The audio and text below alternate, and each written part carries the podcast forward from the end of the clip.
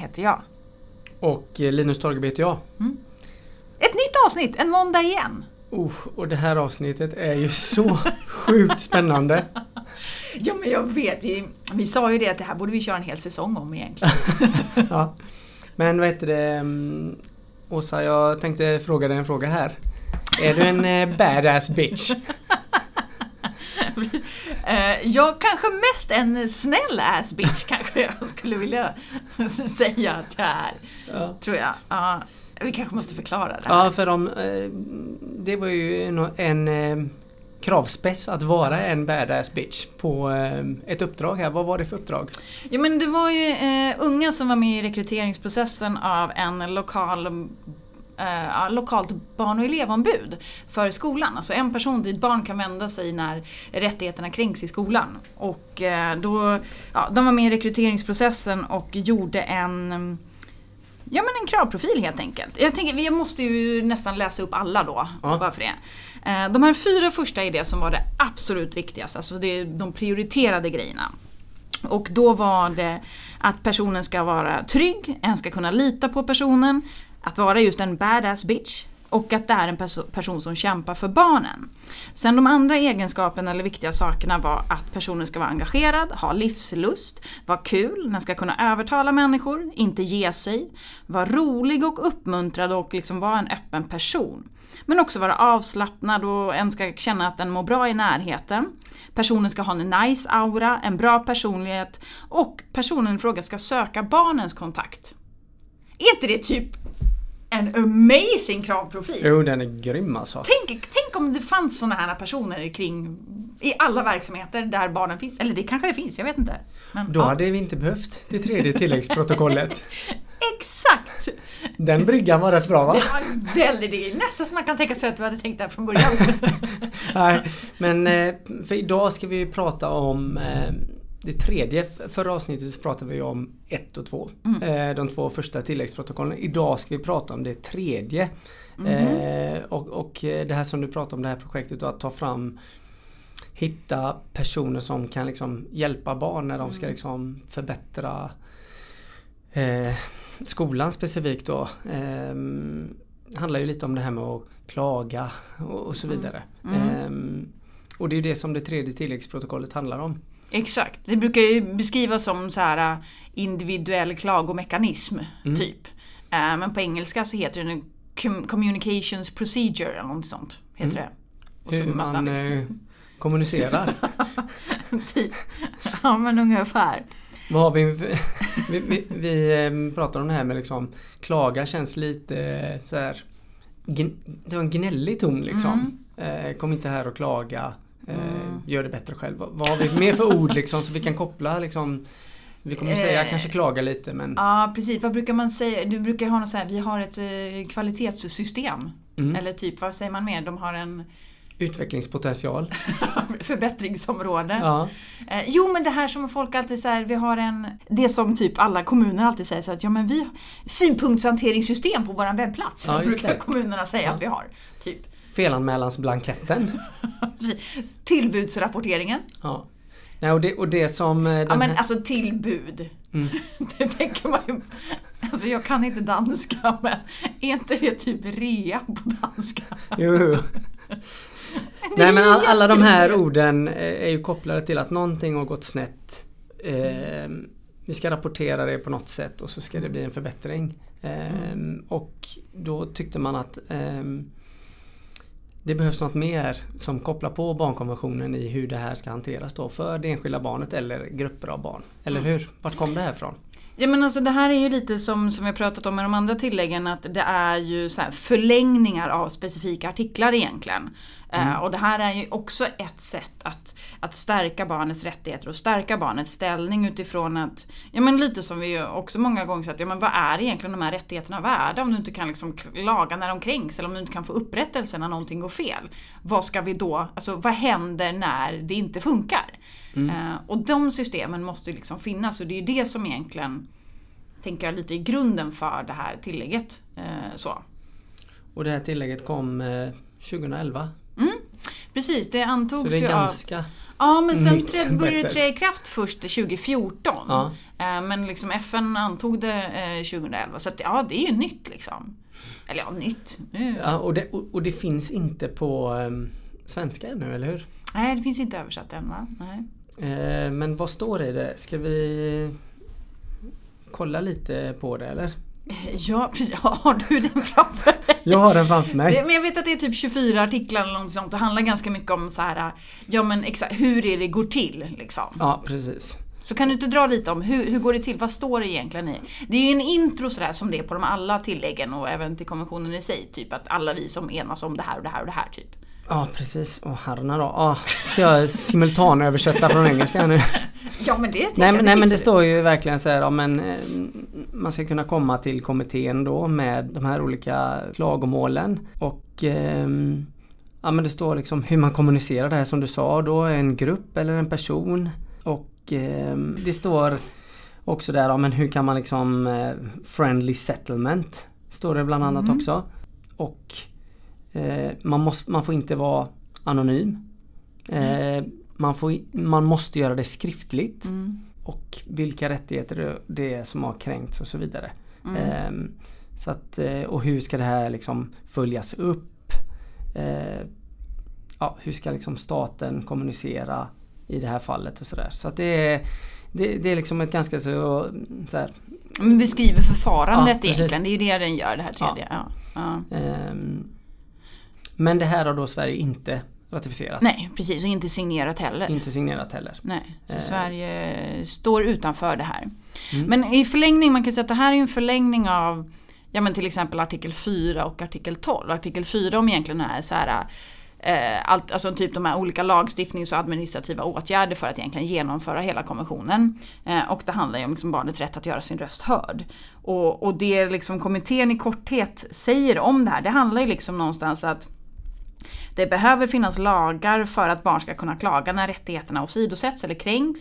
Och alla liksom, typ instanser eller liksom myndigheter eller alla som egentligen liksom finns till för barn behöver ha någon slags ombudsfunktion som barn kan tala med eller lämna in klagomål. Och de menar också på att barnen måste ju få veta vilka de här personerna är eller hur den kan få tag på dem. Så att det handlar ju om att liksom barn måste få tillgång till olika typer också överklagande liksom möjligheter. Ehm, och att det ska också vara Ja men det ska vara tryggt för barn när barn sen klagar. Så att man inte ska liksom typ frysas ut eller liksom utsättas för våld eller liksom hamna i någon form av eh, eh, ännu större utanförskap när barnet liksom säger ifrån. Ja, men jag tänker typ så här som väldigt många barn och unga brukar liksom beskriva som en, som en rädsla. Till exempel att ja, men om jag berättar för en lärare om hur en annan lärare kränker eh, mig. Vad kommer hända med mitt betyg då? Ja. Alltså eh, liksom den att, att, liksom att man ska safea upp att barn inte ska bestraffas eh, genom att liksom, ja men typ tänk såhär whistleblower-grejer liksom. Mm. Ja, nej men precis. Mm. Mm, är det något mer vi ska säga om, om just eh, själva innehållet på den här i eh, protokollet? Ja, men vi skulle väl kunna säga att det är ju ändå, alltså även om inte Sverige har ratificerat och det är fortfarande ganska nytt så är det ändå ett gäng länder som har gjort det. Mm. Eh, Det är 46 länder som har ratificerat och 118 länder som har signerat. Så det är typ 134 då som inte har gjort någonting. Eh, Men man kan väl liksom rabbla några av de här länderna, eller? Ja. Även om vi fokuserar på Sverige så tänker jag så här, Albanien, Argentina, Belgien, Bosnien, Herzegovina, eh, Costa Rica, Kroatien, Tjeckien, Danmark. Vi har Finland, Tyskland, Frankrike, Italien, Mongoliet, Maldiverna, Peru, eh, Uruguay, Turkiet, Tunisien, Thailand. Ja, men, ja. Men inte barnhatarna på Trinidad Tobago. och Barbados. De ser jag inte på listan här, som vanligt. Åh!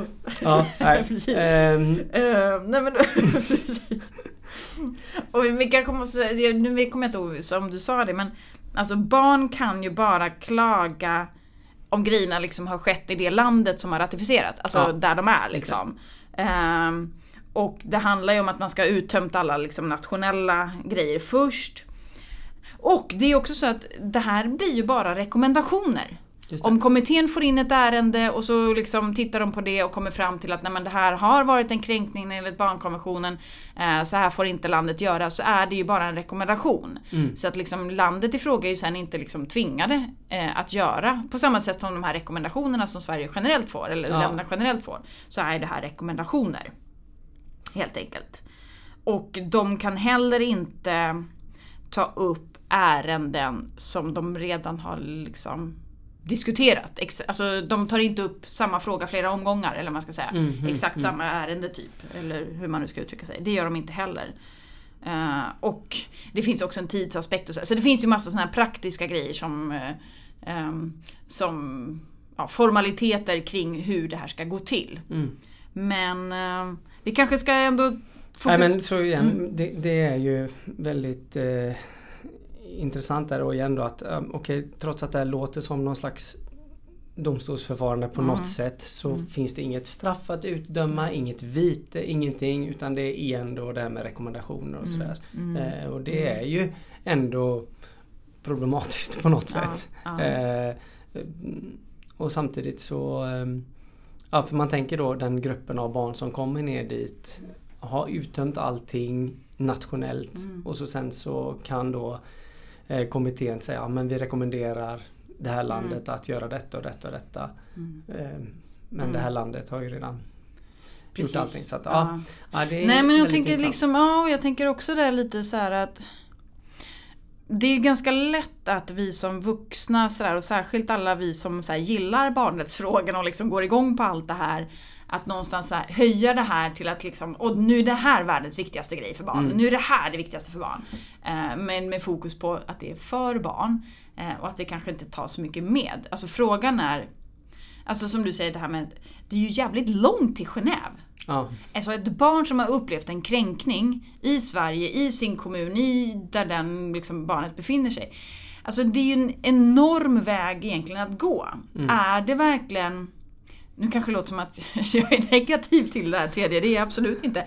Men jag tänker lite så här, är det verkligen det som barnen vill att vi ska fokusera på? mm, mm. Att skriva på det tredje tilläggsprotokollet? Är Ja. det det som barnen tycker är det viktigaste? De kanske bara vill, fan lös grejen här. Mm. Nej, jag, om jag ser man skulle kunna tänka liksom en positiv rättighet där en grupp barn åker ner till Genève och liksom får de här rekommendationerna och det liksom blir liksom någonting starkt att ta med sig Mm. till hemlandet. Då ser jag det. Men, ja, men det är långt som du säger Mm. eh, till Genève. Och eh, om vi då försöker suga tillbaka oss till Sverige. Ja, vi reser tillbaka till Sverige. Ja. Ehm, och pratar lite om okej men hur funkar det här då med klagomekanismer? För att det står ju tydligt om att man ska uttömt de nationella. Mm, precis, Ehm, ja. Då är det barn som bor i byar och städer och Mm. storstäder och mindre och på landsbygden och sådär. Alltså det här är ju en jäkligt snårig Det här känns som att här borde vi ha typ eh, massa olika människor egentligen som får förklara hur det funkar just för deras specifika lilla del. Mm. Och typ inom, ja men inom hälso och sjukvården, då funkar det så här. Eh, handlar det om socialtjänstärenden, ja men då funkar det ju så här. Handlar det om skola och kränkningar i skolan, då handlar det så här. Men däremot handlar det om, om diskriminering, ja men då är det, alltså det beror på. Ja. Alltså det är ju en enda röra kan en ju tycka. Mm. Eh, så. Men det är klart att det finns olika sätt för barn att här, lyfta sina frågor. Mm. Beroende på vart de befinner sig. Men det, och det som vi eh, konstaterar eftersom vi har liksom pratat om barnkonventionens helhet är Mm. ju att eh, de här, precis som du säger, de här enskilda spåren eller frågan Mm. eller sådär. De påverkar ju alla barnets rättigheter och det är väl det som på något sätt är viktigt att ha med sig. Eh, men men eh, ja, de flesta barn då mm, lever ju sitt liv med en mer eller mindre stor cir- cirkel runt sig. Eh, Vissa med en eller flera föräldrar eller så och andra inte alls med sina föräldrar. Och så upplever man någonting som är fel. Vad gör man? Ja, alltså det mest logiska kan en ju tycka så här typ att om någonting har hänt, någonting inte funkar, det blir fel. Om jag skulle säga typ leta. Det, det logiska vore ju att åh, vi har en barnombudsman i Sverige, vi har en barnombudsperson. Det mest logiska kan en ju tycka så här, ja, jag kontaktar den. Mm. Det är lite så en rent så här, tänker sig att det är där jag borde kunna få hjälp. Ja. Eh, nu är det ju inte så då. Därför att Barnombudsmannen då som myndighet i Sverige eh, inte får driva enskilda ärenden även om de själva vill det. Men det är ju så man kan tänka sig men sen beror det ju också på vad var, förlåt, vad, nu, vad, vad var det du sa? Vad, vad Nej, skulle nej, men jag ge att- respons på egentligen? Nej men okej, jag säger så här då. Eh, ett barn eh, eh, lever ju största delen av sitt liv i skolan på något sätt. Mm. Eh, de flesta barn, sen finns det barn som inte gör det heller. Men, eh, och någonting är tokigt där. Vad, och, och det känns i det här barnet att det inte är bra. Liksom. Vad, Mm. vad gör barnet? Vad har man för klagomöjligheter? Ja men precis, om vi nu pratar skolan, om det är det som är, ja men då kanske, då får ju oftast barnet rekommendation med att här, prata med din lärare. Mm. Eller prata med ett elevråd eller klassråd, prata med din rektor. Det är väl oftast det som kanske barnet rekommenderas att göra. Ehm, och om det sen handlar liksom exempelvis om kränkningar och liksom ingenting av det där har funkat, ja men då ehm, kanske ingen egentligen rekommenderar barnet det för det är väl lite dold info men att de kan höra av sig till barn och elevombudet om det till exempel handlar om kränkningar och en upplever att skolan inte har gjort det skolan ska göra. Mm. Eh, så kan ju liksom barn och elevombudet då driva enskilda ärenden. Det är ju en variant. Eh, till exempel så har ju varje skola så här lika behandlingsplaner och sånt. Sen kanske inte det är så väldigt, eller jag vet inte men jag, de lika behandlingsplaner som jag har sett står ju, är ju kanske inte så här supertillgängliga för barn och unga. Och det kanske inte står så här supermycket om vart barn ska vända sig om det inte Alltså att barn och elevombudet som funktion nämns ju inte så mycket i de jag har sett i alla fall. Nej. Nej och sen finns det ju, jag menar JO kan ett barn, där finns ingen åldersgräns för Nej. ett klagomål. Nej. Ett barn Vet barn vad JO är? Nej. Gio Wallner, pingisspelare. Exakt. Nej men eh, och det är precis så att ja, men det finns ju, man kan och man kan eh, göra vissa grejer men då ska man ju fatta orden till att Mm. börja med. Exakt. Eh, ja. Vad är det det står här och så ska man kanske ha en dator och allt möjligt. Så det är många trösklar att ta sig över inom vissa frågor. Precis, vissa har ju IVO, alltså vad är det, Inspektionen för vård och omsorg, alltså när det handlar om typ socialtjänstärenden eller ska Ja. De har ju en ganska så här, bra ändå på deras hemsida där de har ju liksom någon slags telefonlinje eller så så att du kan höra av dig om det är under 21. Jättebra att det är också inte bara 18 utan upp till 21. Alltså där du kan höra av dig när det är någonting och sådär. Eh, Så. Sen är ju inte det enskilda ärenden som de driver på det sättet liksom. Men, men de tycker ändå, de har ju ändå någon form av, alltså tänkt att barn och unga behöver få veta eh, vad är det de ska göra om det är någonting som inte funkar. Liksom. Eh, så där står det ganska mycket på deras hemsida eller webbplats. Så. Men det är väl det som är grejen att eh, det är ju en, eh, en liten djungel för barnet. Ja.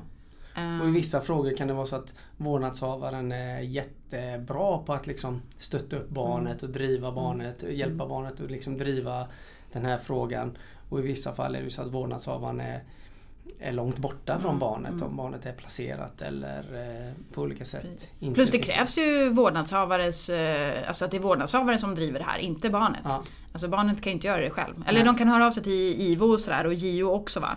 Mm. Eh, Men, men till exempel för ett ärende när det handlar om barn och elevombudet, ja men då är det ju vårdnadshavare eh, som är den som måste göra det. Ja. Men, ja men vänta, var det inte här som är lite stört förresten? När det kommer till det. Alltså att det är så att, nu får jag tänka här. Jo, men om det här gäller fortfarande, men att vårdnadshavare, de kan driva ett ärende hos barn och elevombudet utan barnets samtycke om barnet är under 16 år. Ja. Och om barnet är över 16 så krävs det eh, liksom godkännande. Men är inte det lite sjukt? Jo. jo, absolut. Ja, men det är ju verkligen eh, barnet som rättighetsbärare. Mm. Alltså hur, mycket hur många rättigheter finns i den här ryggsäcken som, eller halsbandet eller vad vi nu har för liksom, metafor för att barnet ska ha alla de här. Och helt plötsligt då så går någon in och liksom tar barnets rättigheter och bär iväg med och gör något helt eget. Så. Och jag tänker också det här glappet då, eller det här liksom som är är ju att, som du säger, så här, barnkonventionen är ju den här helheten. Och samtidigt så finns det ju inte möjligheter inom alla områden för barn att vända sig någonstans. Nej. Det är det, till exempel, alltså vi sa det, att ja, men det handlar om liksom socialtjänst, hälsa, sjukvård, skola och även så här yttrandefrihets, tryckfrihetsgrejer och sånt. Men ponera att det är, eh, som man då kanske eh, har varit med om ganska många gånger, att unga upplever att de fick veta att eh, det hade tagits ett politiskt beslut i deras kommun att eh, typ eh, mötesplatsen slash fritidsgården slash ungdomens hus skulle läggas ner. Och där får de veta när först beslutet är taget och typ så här tidningen, lokala tidningen har skrivit om det. Mm. Då får ungdomarna veta att det ska läggas ner. Mm. Eh, och då är frågan liksom, då kan ju inte de göra så jävla mycket åt det. Mm. Alltså rent juridiskt, vad är det de har? Eh, för de är ju då inte så här, eh, vad är det kallas, processbehöriga. Alltså de får, alltså är du under 18 så har du väldigt få möjligheter att liksom driva ditt ärende genom liksom domstolar och sådana saker. Det finns en del undantag i lagen men, men eh, personer som inte är myndiga måste ha någon annan vuxen som gör det här åt dig. Mm. Så vad kan då det här ungdomsgänget göra som vill ha tillbaka sin, som vill ha liksom yttrat sig i den här frågan om sin mötesplats liksom? Mm. Ja, och, där, och där är det ju Det är ju därför det är så tätt kopplat till liksom artikel 12 och inflytande och att det finns liksom eh, att, att barn tillåts vara med och liksom hjälp, att man liksom lyfter in barns röster så mycket som möjligt kontinuerligt hela tiden. Mm. Eh, Mm. Jag tänker också på så här, när man planerar ett nytt centrum i en stad eller också åtgärder som görs för eller gentemot föräldrar eh, som påverkar barn jättemycket. Höja, sänka olika stöd, alltså vissa Mm. grejer som där det blir väldigt otydligt. Det påverkar barnet jättemycket men barnet Mm. vart, var, ska, var ska barnet vända sig någonstans? Ja, och om det då är en person eller en ung person eller en grupp unga personer som får lite stöttning och säger så här, ja men gå in och kolla här nu på kommunens liksom, webbplats, här, finns det information. Då är oftast det kanske inte så här superenkelt beskrivet. Typ, ja ni kan göra en laglighetsprövning.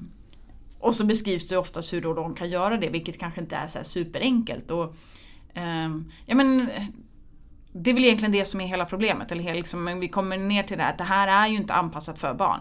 Det är inte tänkt att barn ska kunna klaga eh, eller kunna Nej, liksom, nej. få upprättelse eller kunna liksom, beskriva när någonting inte funkar. Vi har liksom inte byggt våra system för det. Vilket innebär att vi har fått ofta här, göra lite så här efterhandslösningar när Ja, vi har insett att oj då, här borde vi göra någonting.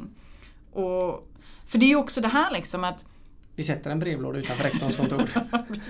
Jo det kan vara jättebra Ja. med det, det kan vara skitbra. Alltså verkligen, men det är ju samtidigt så att Alltså det Vuxna vet ju kanske inte alltid ens vart de ska vända sig när någonting inte funkar. Nej. Om man då tänker sig att det är än mindre oftast eh, tillgängligt för barn, hur ska då barn veta? Och hur ska de veta vem av alla dessa olika instanser som de ska vända sig till? Och vilken samverkan har alla de här instanserna mellan sig? Ja, ja, Typ ett barn hör av sig till en och de bara nej men det är till dem du ska höra av dig. ja. Ja, verkligen. Nej men eh, det finns ju hur mycket som helst. eh, ja, jag tänkte på barnrättskommittén då som är den här gruppen av experter som sitter i Genève. Mm. Ehm, eh, och från, från olika länder och har funderat på att ge massa råd och tips och tankar och rekommendationer. Vad, vad säger de om det här? Och de säger så mycket! De säger bra grejer. Ja, men det, det, det, och det är ju Det tycker jag också är jätteviktigt och på något sätt Och det är ju också en djupdykning i det men det finns mycket bra att hämta där. Det finns Ja. mycket bra att hämta från andra länder. Eh, ni kan gå via BOs hemsida också och titta på när de har tittat på andra länder hur de jobbar med de här. Irland, Belgien, Norge lyfts upp som exempel med lokala elevombudsmän och sådär. Barnombudspersoner. Eh, Lokala. Sådär. Ja. Men eh, vad säger kommittén? Ja, alltså när vi säger så här, vad säger kommittén? Det är då vi oftast tittar på de här allmänna kommentarerna till Mm. exempel. Eh, Ja men alltså någon form av så generell grej som de ändå uttrycker är att det är ju väldigt svårt för barn att använda rättsväsendet för att liksom skydda sina rättigheter eller för att kunna få då upprättelse för olika typer av kränkningar. Det är liksom någon form av så generell grej som de ändå säger. Och så tittar de ju då till exempel, ja men artikel 4 i barnkonventionen, ja men eh, den pekar ju ändå någonstans ut, om man nu ska se då förlängningen eller konkretiseringen av det? Ja men det handlar om oberoende nationella institutioner för mänskliga rättigheter, att det är en väldigt viktig grej. Eh, och att de måste kunna, de här nationella institutionerna behöver då kunna hantera enskilda klagomål. Eh, och att det måste ju då kunna vara på uppdrag av barn i de här fallen till exempel. Och de säger ju också till exempel att ja, men eftersom det är väldigt få stater som till exempel har sänkt rösträttsåldern så är ju det också ytterligare en, ett argument för att behöva göra det här på lite olika sätt. För de menar på att det är så lätt för oss att när vi har gjort olika typer av så här, lagstiftningsförändringar där det istället till exempel står att ja, men barn... Alltså för det är inte samma sak att det står i lagen att barn eh, har rätt att göra sin röst hörd. Det är inte samma sak som att barn sen då är de här processbehöriga personerna som får yttra sig, som får agera i domstol. Eh, och det är då de menar på att det är väldigt lätt att så här, ge sken av att vi lyssnar på barn. Men att om vi ska beakta det de säger så behöver vi förändra oss. Mm. Alltså så. Det, ja, det sägs mycket bra. men, eh, men jag tänker också att de menar också att det måste också finnas eh, vi ska liksom ha effektiva rättsmedel när det handlar om upprättelse för kränkningarna. Och sen beskriver de ju också då eftersom barn är i en beroendeställning och har en särskilt utsatt situation så, så måste man liksom göra att det finns Alltså att både att barnens företrädare och liksom hela, alla de här förfarandena och processerna måste vara liksom barnanpassade och de måste vara effektiva.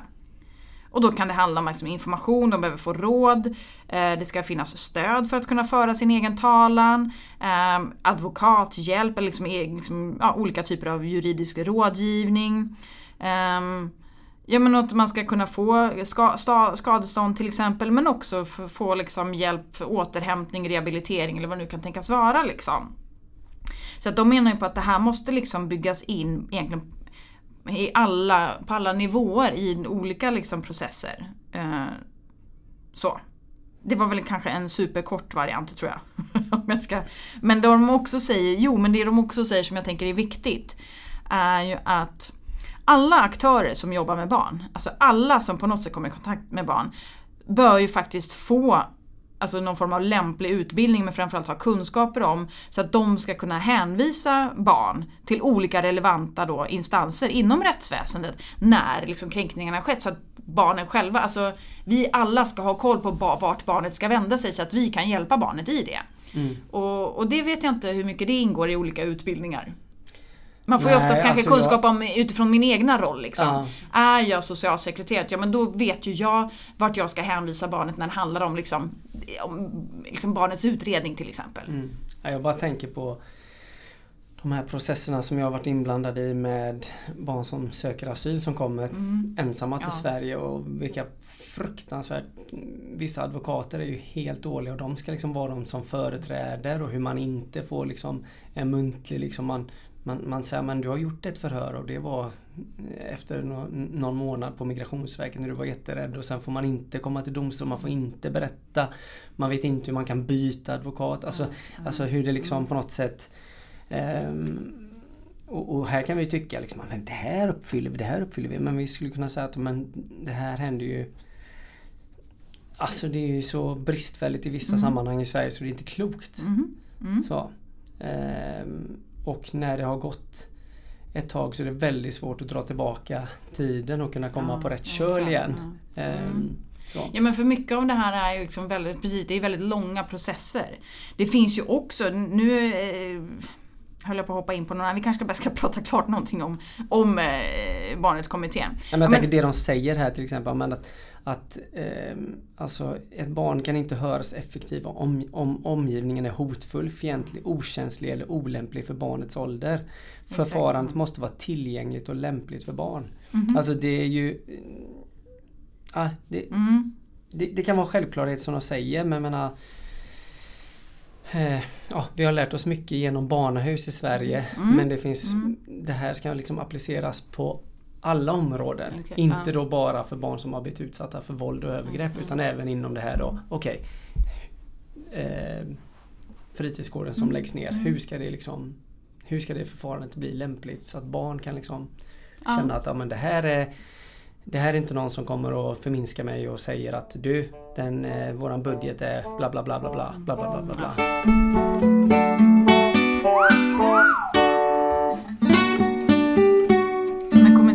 ju också det här att, menar, att alla människor måste få veta vilka rättigheterna är. Alltså vilka är deras Ja. rättigheter? Och just av traditionen att barn i väldigt många samhällen inte har sett som rättighetsbärare så får ju det artikel 42 om just rätten att veta sina rättigheter, den får ju en väldigt stor betydelse. Och att därför så är det ju också så viktigt för att de menar på att de inte är vuxna då i barnets närhet oavsett vilka, alltså om vi pratar om föräldrar eller om vi pratar om lärare eller vilka vi nu pratar om. Om de inte fattar innebörden av konventionen eh, och liksom, så är det ju väldigt osannolikt att de här rättigheterna kommer förverkligas. Mm. Ehm, och, det, och det som kommittén då har kritiserat Sverige för i det här, eh, när vi pratar liksom om för det här handlar ju väldigt mycket om egentligen genomförandet av rättigheterna men det är ju just den här grejen att hur ska barn fatta skillnaden, vem som är vad? Att okej, nu var det kränkningar i skolan. eh, Då är det barn och elevombudet. Eller nej förresten, det handlade ju om diskriminering. Ja, Men då är det diskrimineringsombudsmannen du ska vända dig till. Fast de tar ju bara emot principiella, alltså lyfter bara principiella ärenden. Ja. Och inte alla. Alltså hur ska barnet veta skillnaden? Mm. Alltså på riktigt, så det är den ena. Och sen har vi såklart fått massa kritik för att vi inte har skrivit på det tredje tilläggsprotokollet. Alltså det här. Och, och en annan del i det här att man ska orientera sig i den här djungeln så vill ju också barn att det ska gå snabbt de här processerna. Det är en av önskemålen som liksom när man har lyssnat in barn att man på något sätt vill att det ska eh, men att, att de här åtgärderna, att, åter, att det ska vara snabb återkoppling, dang, dang, dang, dang, dang, dang och hela det här processförfarandet. Alltså jag bara tänker Ja, på de här ja. asylprocesserna som har tagit 5-6 år nu liksom. Ja men det är ju ett liv. Man Alltså det kan vara bort ett, ja, barn ja. på den tiden.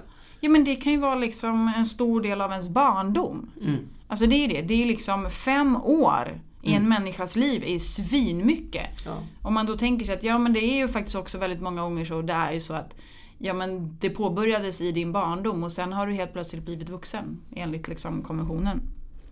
Men, ap- mm. men apropå bara kommittén, ska vi inte säga någonting om att Sverige har ju faktiskt Det finns ju någon sån här, fanns ju någon eh, Ja, det finns ett internationellt nätverk som jobbar med barns rättigheter på lite olika sätt och liksom hjälper till i, i den här liksom hjälper civilsamhället när det handlar om rapporteringssystemet till FN-kommittén. De har gjort någon slags typ rankning där de har tittat på att säga barnanpassat rättsväsende kanske inte är helt rätt, men typ något sånt. Men där hamnar i alla fall Sverige på en plats 54 av 197. Det är inte topp. Det, Det är ingen inte topp. topplacering. Nej, Vad är det som är Finland- fel i nej, Sverige? Ja, det är massa grejer. Men, eh, Finland hamnar på fjärde plats, Island på åttonde plats, Norge trettonde, Danmark 46. Så att, ja. Mm.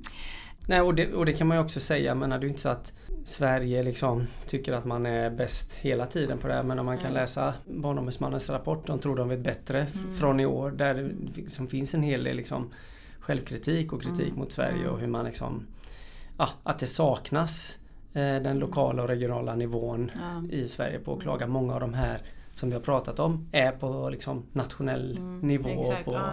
Eh, Men det- närheten till barnet, det är Ja. väl det som blir det viktiga liksom. Precis. Ja. Ska vi se, nu har vi bara sagt att Sverige inte har skrivit på, ska vi säga någonting om varför? Ja. Precis. Och varför, varför har Sverige inte skrivit på och varför hade det varit bra att skriva på? Ja men alltså varför Sverige inte? Har vi någon eh, så här superbra officiell statement från eh, alla parter från regeringen? Nej, alltså det är väl liksom att man på något sätt är väldigt osäker i hur alla lagstiftningar ska liksom passa in i varandra och, och nu är barnkonventionen lag och man, men man har fortfarande inte liksom listat ut hur ska den liksom kopplas ihop med de andra lagarna och man väntar lite tror jag helt enkelt. Ja, ja men lite Det är man väl har det väl... bästa.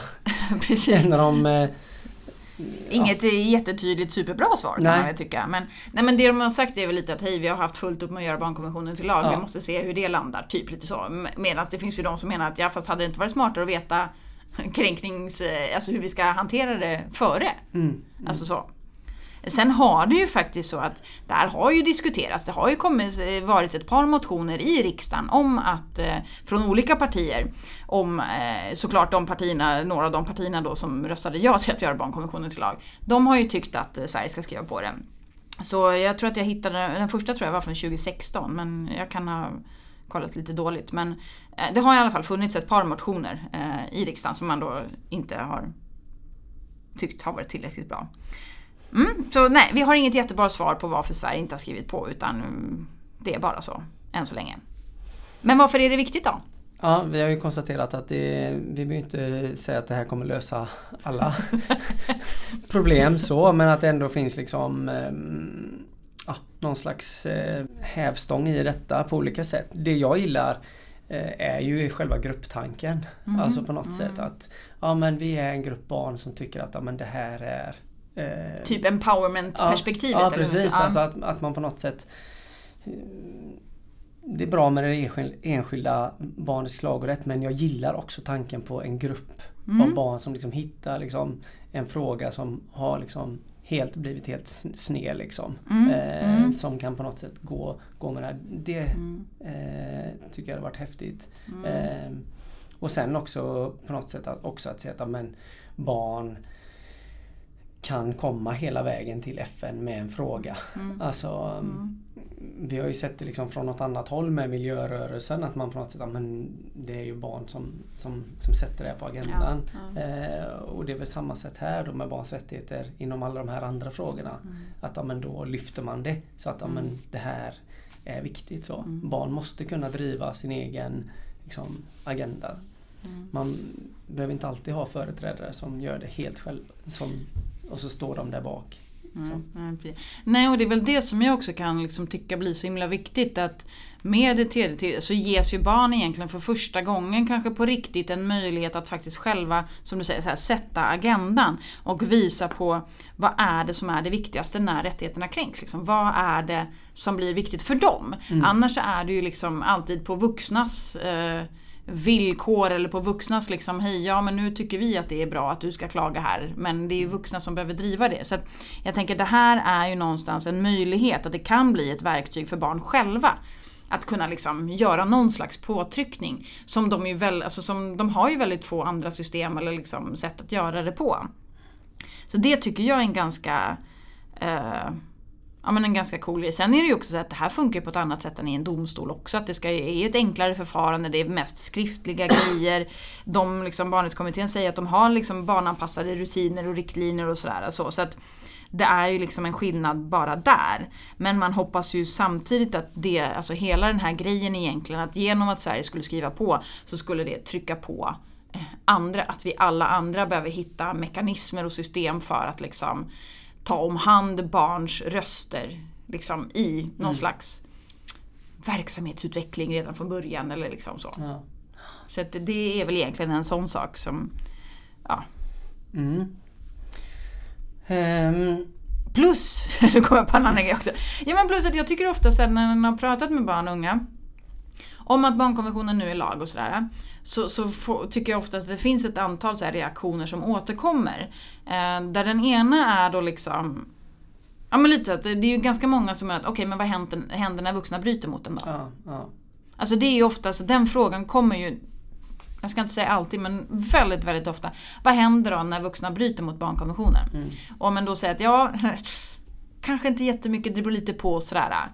Eh, så kanske jag upplever många gånger att ja, men då blir de liksom, en, en del blir ju faktiskt jävligt förbannade. Ja men vad fan spelar det då för roll? Vad ska vi ha den här lagen till om det ändå inte händer någonting? Mm. Och så en del andra kan bli lite så uppgivna så här att jaha, ja men det var ju kul att ni hade den här barnlagen nu då typ. Men eh, vad hjälper det mig om ni ändå inte kommer göra någonting när ni skiter i de här rättigheterna typ.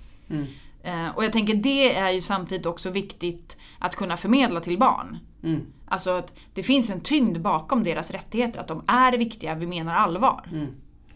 Och jag, jag, tänker tillbaka på det som du inledde där med den här kravspessen. För att mm. den innehåller ju både liksom, ja, men hela det här spektrat. Att, ja, men, eh, ja, det, det, en, ja, det finns flera delar i det liksom. Mm. Eh, och man kan påverka på så många olika sätt. så. Mm. Eh, mm.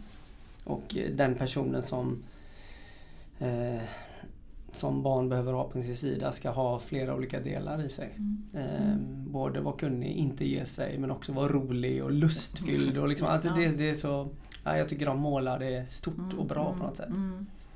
Ja, fler sådana annonser, eller generellt fler rekryteringsprocesser där barn är involverade i. För då får man de här bra grejerna.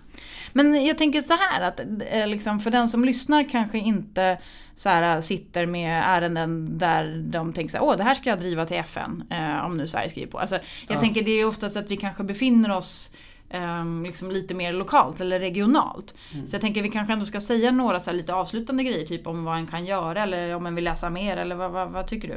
Ja men det tycker jag. Eh, alltså vad, vad...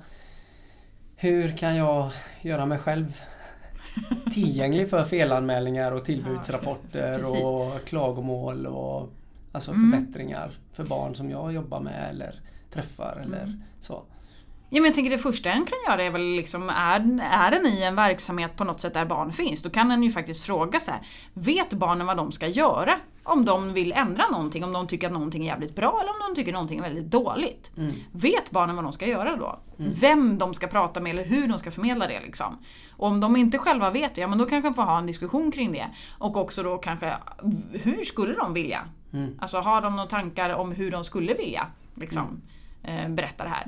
Det tänker jag är det första steget. Ja, titta till, alltså ta ett kliv tillbaka från sig själv och se men hur reagerar jag när barn kommer och med förslag eller Mm. eh, krav eller klagomål. Alltså, där är det ju liksom försöka ja, men se sig själv, titta på sig själv. Liksom. Reagerar jag direkt med ett nej eller eh, ett, ja, men det där har Ja. jag redan hört eller Mm. det har vi Mm. redan försökt. Alltså de här klassiska liksom, Mm. härskarteknikerna Mm, som ja, man håller på med som vuxen mer eller mindre.